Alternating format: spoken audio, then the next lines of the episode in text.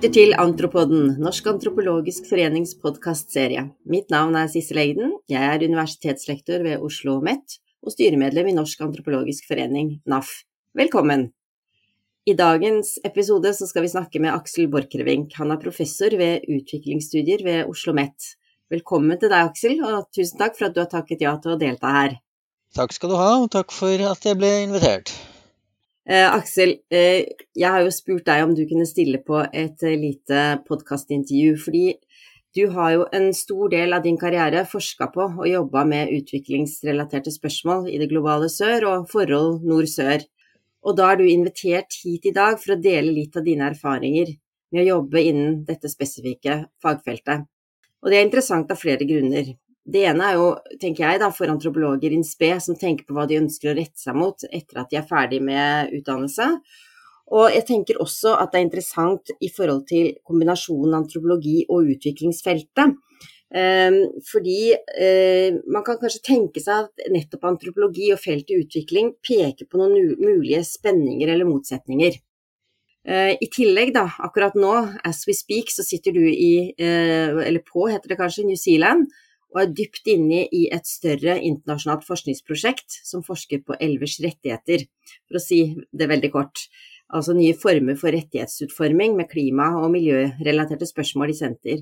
Det siste tenkte vi kan komme inn på helt mot eh, slutten, for å bygge det opp litt kronologisk her. Men eh, helt innledningsvis, Aksel, kan du si noe om hva som anspora din interesse for utviklingsfeltet, sånn fra starten av? Ja, eh, det var jo på mange måter noe som lå i tiden når jeg begynte å studere antropologi, tenker jeg. Så, mm. som var når da, eh, hvis jeg kan bryte inn med en gang? jeg begynte jo faktisk på 70-tallet. I 77 Nei, 8, nei 77 begynte jeg å studere grunnfag i antropologi. Ja. Eh, så det er faktisk 45 år siden. Litt ja. skremmende, men eh, sånn er det. Men, eh, men 70-tallet var jo, ikke sant, det var et radikalt tiår. Det var internasjonalt engasjement, og hvis du gikk på antropologi, så var det ikke unaturlig, eller da var det egentlig litt lå i kortene at du var opptatt av internasjonale spørsmål. Ja. Var det noen, var det noen ledere, på en måte? Ja. Ja, altså Jeg tenker at det var, det var, flere ting eh, som, som slo der, men eh, Eduardo Erketti var akkurat kommet til instituttet på den tida, og han var jo en uh, inspirasjonskilde på veldig mange måter. Jeg husker at mens jeg gikk, om det var første året eller kanskje mens jeg gikk på mellomfag året etter, at jeg fulgte en forelesningsrekke han hadde om jordbruksstrukturer i Latin-Amerika med ja, marxistiske perspektiver på dette. Mm. Og jeg skjønte nesten ingenting, men jeg var liksom samtidig veldig dypt fascinert. Eh, så det eh, Så noe kommer derfra. Og så var det noen år seinere så var jeg på en arbeidsbrigade, en solidaritetsbrigade til Nicaragua. Og det, ikke, det hadde ikke med antropologien å gjøre for så vidt, selv om jeg hadde ikke vært der lenge før jeg var sikker på at dette er det stedet jeg vil gjøre mitt hovedfag, feltarbeid.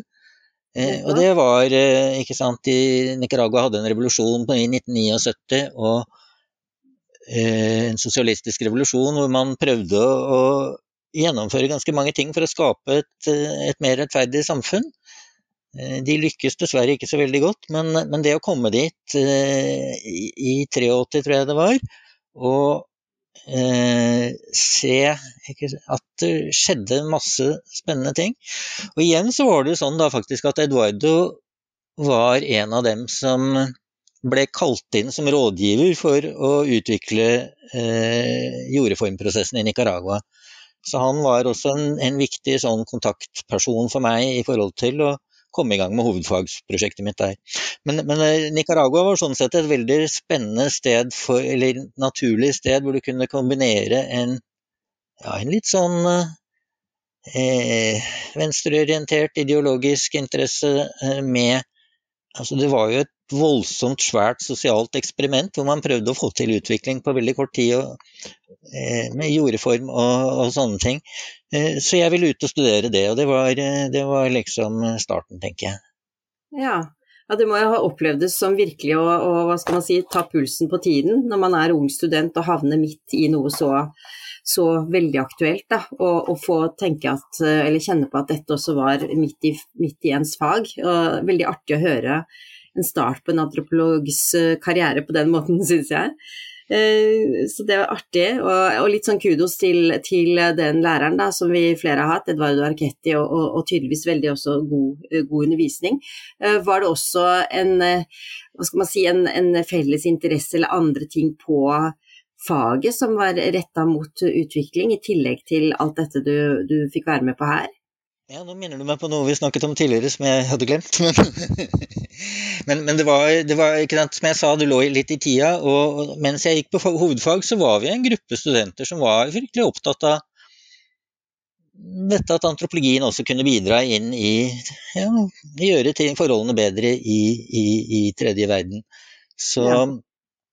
Så vi hadde en gruppe, eller det var en del av oss som kom sammen og dannet det vi kalte Gruppe for utviklingsstudier, eller sånn blant venner grus. Eh, som var Det kom ikke så veldig mye ut av det, men det var også et uttrykk for at, at vi var eh, Ja, det var ikke bare jeg som, som var engasjert i dette her. Og vi hadde en del sånne seminarer eh, på brakka da, for hovedfagsstudenter og andre interesserte. Hvor vi hadde bl.a. en statssekretær i Bistandsdepartementet. Og, ja. Uh, ja. noen forskjellige. Else Skjønsberg, som er sosiolog, men som har jobba på bistandsfeltet i en årrekke. Så det var mye spennende som skjedde på den måten. Og vi, det var et miljø rundt dette her på et vis, da. Ja, ja. Eh, det bekrefter jo på en måte det man eh, som senere student hørte om det aktive 70-tallet, som kanskje muligens er litt på vei opp igjen blant studenter i dag, hvis vi kan eh, være håpfulle i forhold til miljø og klima, som vi kan komme tilbake til etterpå kanskje. Men når du har snakka litt om utgangspunktet og at du fikk en sånn faglig push, så har jeg allerede annonsert at du har jobbet i utviklingsrelaterte områder fra begynnelsen av. Men for de uinnvidde, kan du dra oss litt igjennom hvilke forskningsområder som du har jobbet med, eller steder du har jobbet i løpet av karrieren, og som et bakteppe da, på hvordan du har tilnærma deg eller jobbet opp mot utviklingsfeltet? Ja, nei, for det er ikke sant. Det er noe med det en sånn gammelt eller klassisk ordtak om at livet leves forlengs, men forstås baklengs. Så når jeg ser tilbake, så er det en veldig tydelig tråd i forhold til en sånn balansering mellom antropologi og utvikling. Eh, hovedfagsfeltarbeidet mitt var jo et slags ønske om å bidra litt inn i Nicaragua, selv om jeg tenker at både var vel ikke min ville aldri min avhandling kunne vært så fryktelig nyttig, og i tillegg så ble den jo aldri lest av dem som bestemte noe i Nicaragua, så sånn sett så hadde den ingen, ingen innflytelse på den måten. Men eh, med, når jeg ble ferdig med hovedfaget, eller nesten litt før faktisk, så fikk jeg jobb i Utviklingsfondet og mm. var der i fem-seks år. Eh, og jobba som prosjektkoordinator med ansvar for utviklingsprosjekter og programmer som vi støtta. I første perioden så jobbet jeg med Mellom-Amerika, særlig Nicaragua og litt Costa Rica. Og så seinere med Afrikas Horn, med Etiopia og Eritrea og helt på slutten med Filippinene. Så jeg det var en spennende tid, for så vidt, men, men det, var veldig nyttig å være altså den, Det jeg hadde lært som antropolog og gjennom hovedfaget mitt og sånn, var veldig nyttig for jobben, men jeg jobba jo ikke som antropolog. Jeg jobba som en saksbehandler og skrev søknader og rapporter og maste på for regnskap og sånne typer ting. Ja, du måtte tilegne deg, som vi alle må når vi kommer ut i arbeidslivet, helt andre mm, kompetanser enn det man tenker på. Ja, men jeg tenker jo at jeg gjorde en mye bedre jobb fordi jeg hadde bakgrunnen min som antropolog. Da. Det, det ja. vil jeg holde fast ved. Både fordi jeg ikke sant, kjente den Nicaragua som jeg jobba med i utgangspunktet, men også fordi et samfunnsfaglig blikk, og spesielt det at jeg hadde jobba mye med landbruksting, passa veldig godt i forhold til de prosjektene vi støtta. Ja, så Sånn sett så, så opplevde du da at antropologien var et uh, nyttig, nyttig, innfalls, nyttig, innfallsport til uh, utviklingsfeltet også? Du opplevde ikke at det var en, en utfordring der, der og da, i, i, når du var i Utviklingsfondet? Nei, jeg tenker at det var en fordel, men, eh, men, det var jo noen ting jeg måtte lære meg i tillegg, selvfølgelig, som jeg ikke hadde lært. Mm. Ja. Men eh, det var jo også litt sånn utilfredsstillende som antropolog at eh, når jeg var på prosjektbesøk, så var det sånn at du satte deg i en bil, og så kjørte du i fem-seks timer. Starta fryktelig tidlig på morgenen og kjørte i fem-seks timer ut fra en hovedstad eller en sted der du hadde overnattet. Og så kom du til et sted hvor det var noen prosjektaktiviteter, og så var du der i to timer, og det var egentlig tatt opp med at ble fylt mye med at de skulle ta imot den gjesten fra Norge og servere et måltid og litt sånne ting. Og så var det noen korte sånn prat med noen folk om hva som skjedde der, og så dro vi hjem igjen, og så skulle jeg liksom ha vært og skjønt hvordan prosjektene våre fungerte. Og det, som antropolog mm. som i utgangspunktet skal være et år et sted før man skjønner noe som helst, så, så var jo det Det føltes ikke riktig, og det var noe utilfredsstillende over det, da.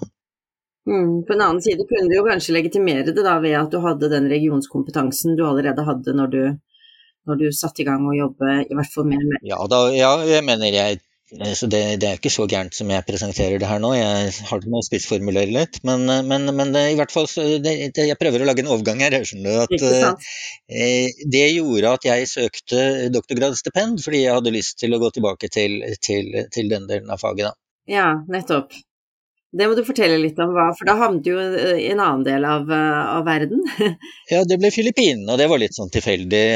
Det, var, det, hadde jo med å gjøre at jeg hadde jobbet med Filippinene i Utviklingsfondet, og så var det også sånn denne gangen skulle jeg ha med familie, og det var et relativt enkelt sted å ha med familie der eh, engelsk eh, fungerer greit og, og ja.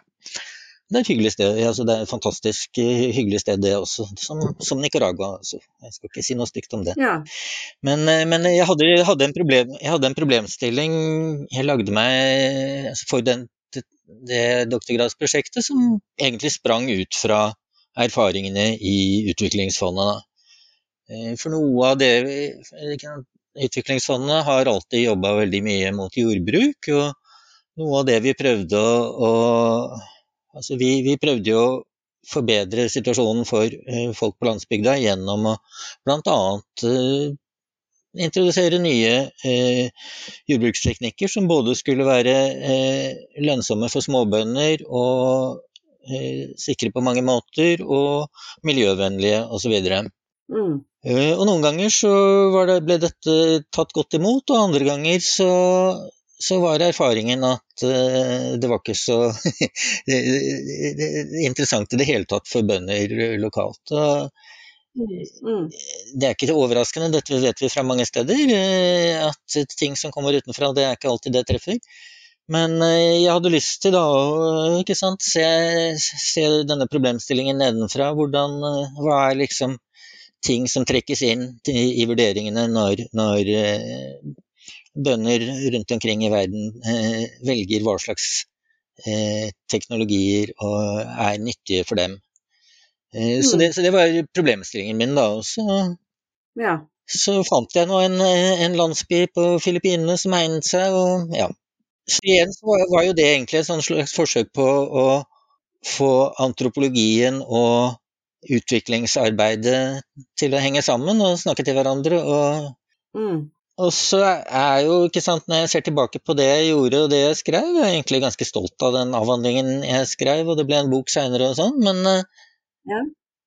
den svarer jo ikke på spørsmål som en utvikler har. Så det, det er, ligger inni der dette her om jordbruksteknologi og sånt noe, men det er pakket inn i en masse en klassisk antropologisk lokalsamfunnsstudie, egentlig, med litt konfliktløsning og litt lokalpolitikk og litt Eh, om eh, økonomi og jordbruk og for så vidt helse og sånt noe, men også hvordan eh, ideer og ja, både, både, kunnskap, men også, også eh, moralske ideer er med på å styre valg, valg man gjør, da. Mm. Hmm. Som jeg tenker da, når du, når du, Hvis jeg kan hive meg innpå litt nå, Aksel. fordi eh, Spennende å høre på du prater, men jeg tenker jo, jeg får også noen refleksjoner om det finnes da noen sånn type spenningsfelt på en måte Eh, når man da tross alt skal levere litt sånn endringsorientert eh, arbeid eh, når du jobber i utviklingsfondene, og kanskje um, ikke akkurat når du gjør en, en doktorgrads, et doktorgradsarbeid, men i ettertid. Det har jeg lyst til vi skal komme tilbake til, men jeg vil høre litt sånn deg fortelle ferdig eh, karriereløpet ditt, men det syns jeg er en veldig sånn spennende ting i nettopp det at du har jobbet i utviklingsrelaterte eh, felt. Fordi, sånn som du også sier, at eh, det er noe her med det litt mer eh, tidkrevende, eh, den mer reflekterende og, og dvelende orienteringen som antropologien har, men hvor det da kanskje man er i en felt hvor det også kreves litt mer sånn løsningsorientert, da. Mm. Intervenering, om, om ikke så, sånn, sånn, på kort sikt, men i hvert fall med tanke på endring. Så, så det syns jeg høres ut som et veldig sånn spennende spenningsfelt i, i, noe av dette. Eh, men fortell oss hva du gjorde etter doktorgradsarbeidet ditt også, Aksel. For du, har gjort, du er ganske sammensatt i bakgrunnen, som, som jeg kjenner deg. Ja, etter, etter, doktorgraden så begynte jeg på NUPI, Norsk utenrikspolitisk institutt, eh, som forsker der. Vi hadde en eh, avdeling for utviklingsstudier på den tida. Eh, og ja, der blei jeg i tolv år og jobbet eh, så, ja, det var noe forskning, noe eh, En god del konsulentarbeid. Eh, hvor jeg bl.a. drev med evalueringer av bistandsprosjekter og, og en del sånne utredninger eh, for landkunnskapsting for, for mm. UD og sånn. Greit, ja. Eh, så det var spennende, og det var egentlig forbrukt det å være eh, fagperson. Den samfunnsfaglige bakgrunnen og landkunnskapen jeg hadde, og erfaringen fra utviklingsfondet, alt dette her spilte sammen på mange måter. Eh, men jeg må jo si at sant, dette, NUPI er jo et sted som er dominert av statsvitenskap. og jeg, Mye av det jeg gjorde derfra er kanskje mer statsvitenskapelig enn antropologisk, selv om det er jo veldig vanskelige skiller å trekke egentlig, da, hvis du mm. Med mindre du er veldig streng og sier at antropologi må være basert på langvarig feltarbeid, så tenker jeg at den opptattheten av hvordan, hvordan ja, politiske prosesser er forstått og sånt noe som var en del av, av disse utredningene som jeg skrev mens jeg var på NUPI, det, det er jo en slags antropologisk tilnærming, det også. Ja, det er spennende Aksel, for jeg tenker jo det er mange som eh, eh, Det husker i hvert fall jeg gjennom sånn studietiden, at, eh, at folk tenderte mot å tenke litt sånn antropologi, da skal man være litt sånn purist. Da skal man nettopp vie seg til det mer langsomme og det dyptpløyende, men her måtte du jo jeg ser jo på en måte at noe av det som kjennetegner det du har gjort, er jo også at du har vært ganske åpen for det flerfaglige, men det virker ikke som det i seg selv har vært noe utfordrende for deg, kanskje tvert om? Eller, eller leser jeg deg feil da? Jeg har alltid ønsket å jobbe tverrfaglig. Jeg syns jo det er eh, ikke alltid det er så lett å få til. Eh, jeg valgte jo f.eks. under doktorgraden så valgte jeg å sitte på SUM, Senter for utvikling og miljø, istedenfor på Institutt for antropologi. Og det var nettopp fordi jeg syntes det var spennende å være et sted der det var folk med ulike fagdisipliner. Nettopp. Og jeg syns jo ikke sant at det er en ambisjon man bør strekke seg etter. Ja. Eh, men det er jo litt eh, derfor jeg kanskje endte opp altså Jeg mener, jeg kunne søke om å bli professor i utviklingsstudier. Jeg kunne nok ikke søkt om å bli professor i antropologi, fordi for mange av publikasjonene mine er liksom i skjæringsfeltet og kanskje utenfor, i hvert fall utenfor kjerneområdet antropologi. Mm. Ok, det, det, vil jeg stoppe deg litt på. Det vil jeg, vil jeg at du skal si litt mer på. Ja, fordi du har vært flere ganger ymtet om dette her, og jeg, jeg, mener jo at det ligger noen spenninger der. og der, så James Ferguson har en, en, morsom artikkel som heter 'Anthropology and its evil twin'. Mm -hmm. og den onde tvillingen, da, det er development anthropology eller applied anthropology. nettopp, nettopp. Og den dreier seg om, om spenningsforholdet mellom uh, dette å gjøre såkalt ren akademisk antropologi å grave seg inn i forståelsen, og det å jobbe anvendt og kanskje være mer quick and dirty på noen måter og sånt. Mm. Og han har, ikke sant ja, noen, eh, jeg tenker at han setter ting ganske voldsomt på spissen i den artikkelen. Det er ikke nødvendigvis så vanskelig å, forene disse tingene som han Men det er at det ligger en spenning og en motsetning der, er ikke i tvil om. Jeg, mm. jeg tenker jo av og til at jeg blir litt frustrert over eh, faget mitt, fordi jeg tenker det har så stort potensial i forhold til å kunne være nyttig, nettopp fordi at man, man får en sånn eh, utro, altså, den erfaringsnære måten å prøve å forstå virkeligheten på, gir en dybdeforståelse som er ganske unik, og som mm. er kjempenyttig mm. i veldig mange praktiske sammenhenger. Men den er litt stedbunden, da. den er veldig kontekstavhengig på et vis. Mm. Mm. Eh, og det gjør at det er ikke så lett å ha den, altså bruke den sånn anvendbart, eller komme med generelle anbefalinger for hvordan man bør gjøre. ikke sant? Økonomer har jo liksom en helt annen posisjon i forhold til akkurat det det er å kunne komme med enkle løsninger da, som er løsrevet fra kontekst. Mm, mm. Det er ikke vi så gode på. Nei, de er jo mer, også som statsvitere, mer i den modelltenkningen kanskje, da, som skal være mm, applikkerbar universelt osv. Men eh, ja, jeg, jeg, tenker det er så spennende det du snakker om, Aksel, fordi og spesielt da kanskje, som jeg sa innledningsvis, også for antropologer i, i som kanskje vil tenke at nei, de skal ikke ut og leke med den tvillingen, de skal, de skal heller uh, forbli i sitt eget felt.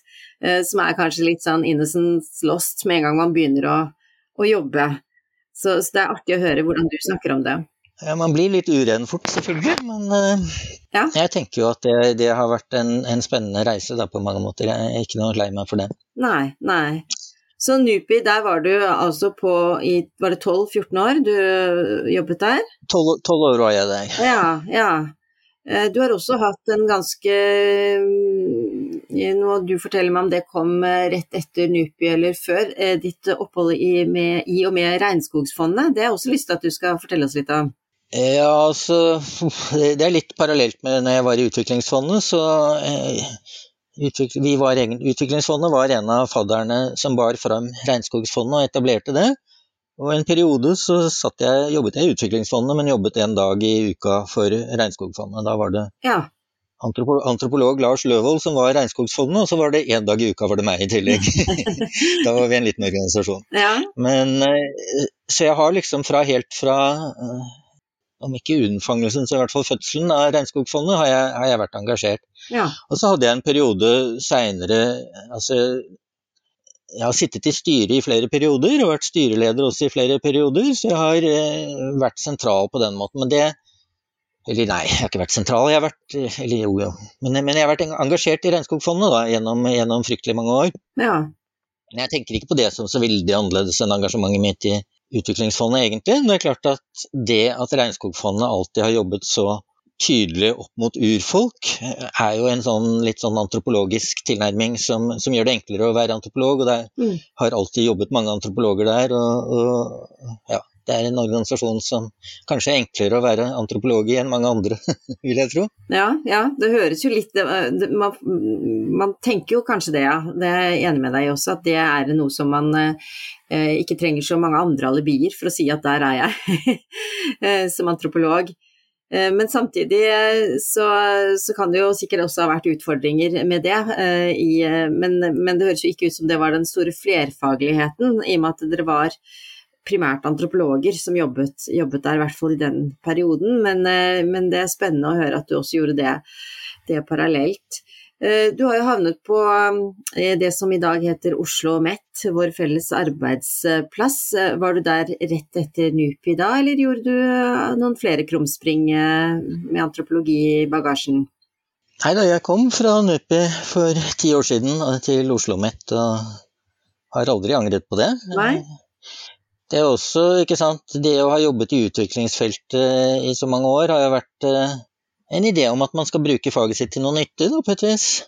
Nå eh, tenker jeg kanskje at noe av det nyttigere jeg gjør, det er å utdanne studenter. Så jeg syns det er veldig fint å være på Oslo Met. Ja, hyggelig å høre. Jeg er helt enig med deg. Flott plass å være. Og, og dette med studentarbeidet også. Hvordan tenker du da at uh, når du da har trådt inn i en annen rolle. Forsker har du jo vært eh, hele veien, hører jeg.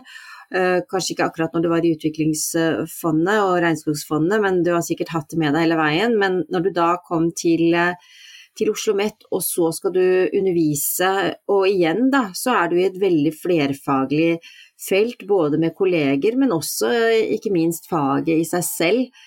Tenker du at antropologi gjør noe til utviklingsfeltet som sådan, som, eh, som eh, er noe annerledes eh, enn de andre flerfaglige orienteringene, eller de andre, andre fagene? Og også i arbeidet med studentene. Litt sånn kanskje all over the place spørsmål, men rett og slett i møte med studenter, da.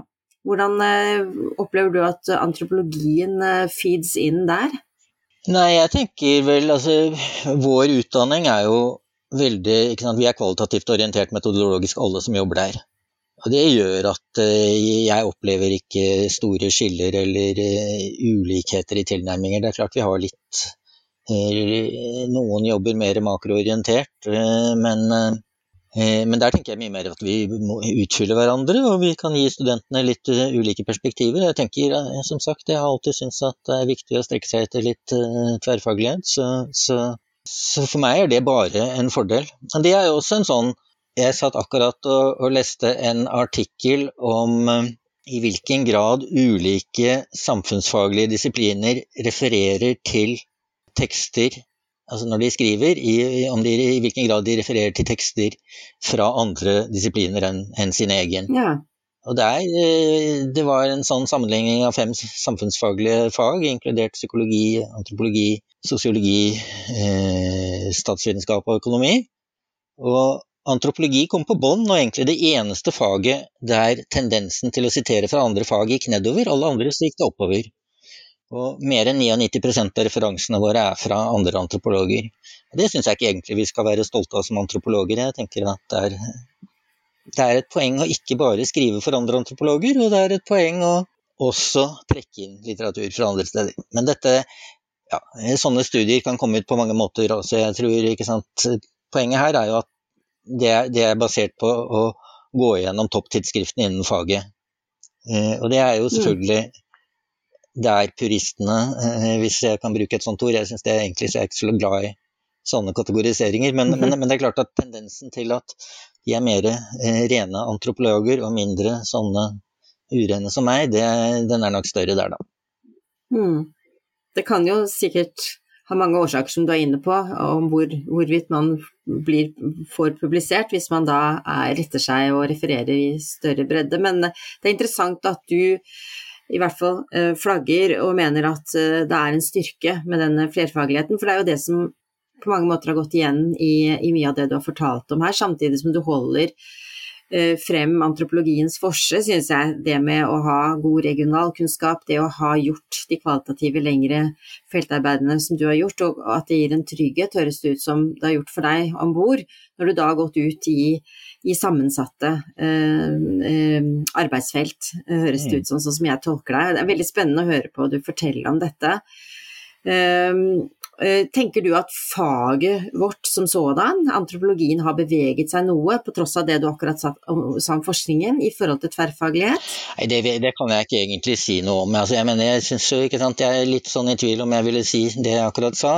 fordi jeg, Eh, men, men, det er artikkelen som sa dette her, da, ikke jeg egentlig. Eh, men jeg tenker jo at eh, ja, det er unntak som er så viktige. og jeg mener sånn Thomas Hylland Eriksen som alltid har vært åpen utad i alle retninger. jeg synes jo Han er uttrykk for en, en, en, en del innen antropologien som absolutt ikke representerer den utviklingen som jeg snakker om her. Altså. Ja, ja, jeg er helt enig. Så jeg vil helst ikke bli tatt som en som går altfor hardt ut her. Altså er, men, men det, det, som er, sant, det, som er, en passe fin overgang, er jo til, til, det prosjektet jeg faktisk jobber med nå, da, som er. Det har jeg lyst til å høre mer om.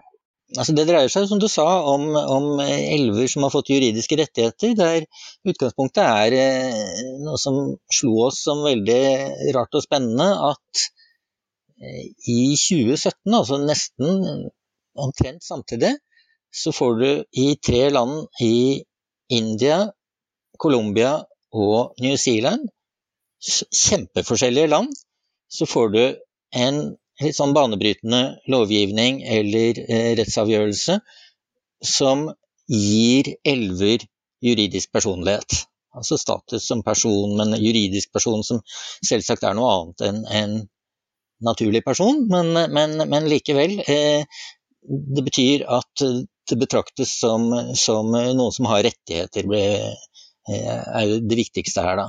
Og det, er, eh, det, ligger en lang bevegelse bak dette her med rights of nature, altså at, at, naturen skal få egne rettigheter. At hvis man bare skal tenke på naturen som noe som eksisterer for menneskets del, så ender vi opp med å ødelegge den. Så det er nødvendig å snu på hvordan vi forholder oss til naturen, og kanskje kan dette være en, en måte. Det er, det er, en sånn tanke som ligger bak her. Spennende. Ja, altså Vi er jo ikke egentlig helt overbevist om at dette nødvendigvis er så, så genial idé, men vi, vi vil nå ut og undersøke. Vi er helt agnostikere i forhold til hvor, hvor, nyttig dette er, men vi har lyst til å gå ut og se hva er egentlig erfaringene i disse tre landene. Så vi har et prosjekt nå som, eh, som inkluderer altså vi er vi var i utgangspunktet to norske antropologer, John McNish og jeg, og så er det forskere fra India, eh, New Zealand og Colombia. Og vi har prøvd å trekke inn så at det ikke skal bare være antropologer, da, men vi har eh, jurister eh, inne også som, som, en sånn eh, Så her på New Zealand så jobber jeg sammen med en kjempesmart eh, jurist som har jobbet med disse problemstillingene lenge. Mm. Og vi drar i morgen sammen til denne Wanganui-elven her som ja, og som er spennende på mange måter. Det er, det er, det er mye urfolksrettigheter, maori, eh, altså en mm. måte å svare på maorienes krav eh, mm. fra langt tilbake om, eh, om, om eh, altså Helt tilbake til kolonitiden hvor de er blitt fratatt rettigheter og eh, områder. Eh, så, så, så, det er mye som er eh, spennende her. Og det, det, det, å kombinere et juridisk blikk og et antropologisk blikk er veldig gøy. Og ja, fordi jeg tror kanskje jeg begynte å si her i stad at det ikke alltid har vært så lett å realisere denne tverrfagligheten. Jeg tenker at når man er tvunget, eller ja, vi er ikke tvunget, vi syns det er veldig hyggelig å jobbe sammen, men eh, når man jobber sammen på en felles problemstilling, og med litt sånn åpenhet og respekt for hverandre, så, så er muligheten for å, at, at, fagene tilfører hverandre ganske, ganske store, tenker jeg da. Det høres utrolig spennende ut.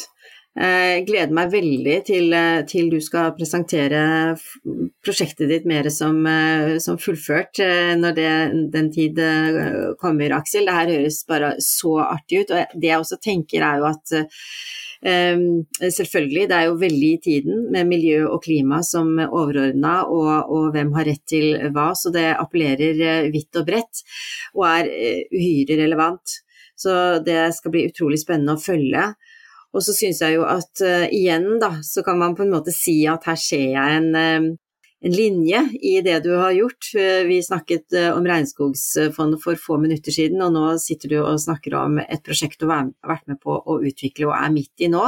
Egentlig på slutten av din karriere, for du har jo annonsert at du da formelt trekker deg om noen få år eh, og går av med pensjon, og det syns jeg er helt utrolig rart å tenke på. Men eh, derav også veldig interessant å høre om denne både mangslungne, men også eh, sammenhengende karrieren du har hatt, hvor antropologi har vært med eh, hele veien eh, og vært, ligget i bånn som, som det du har jobbet ut fra og med.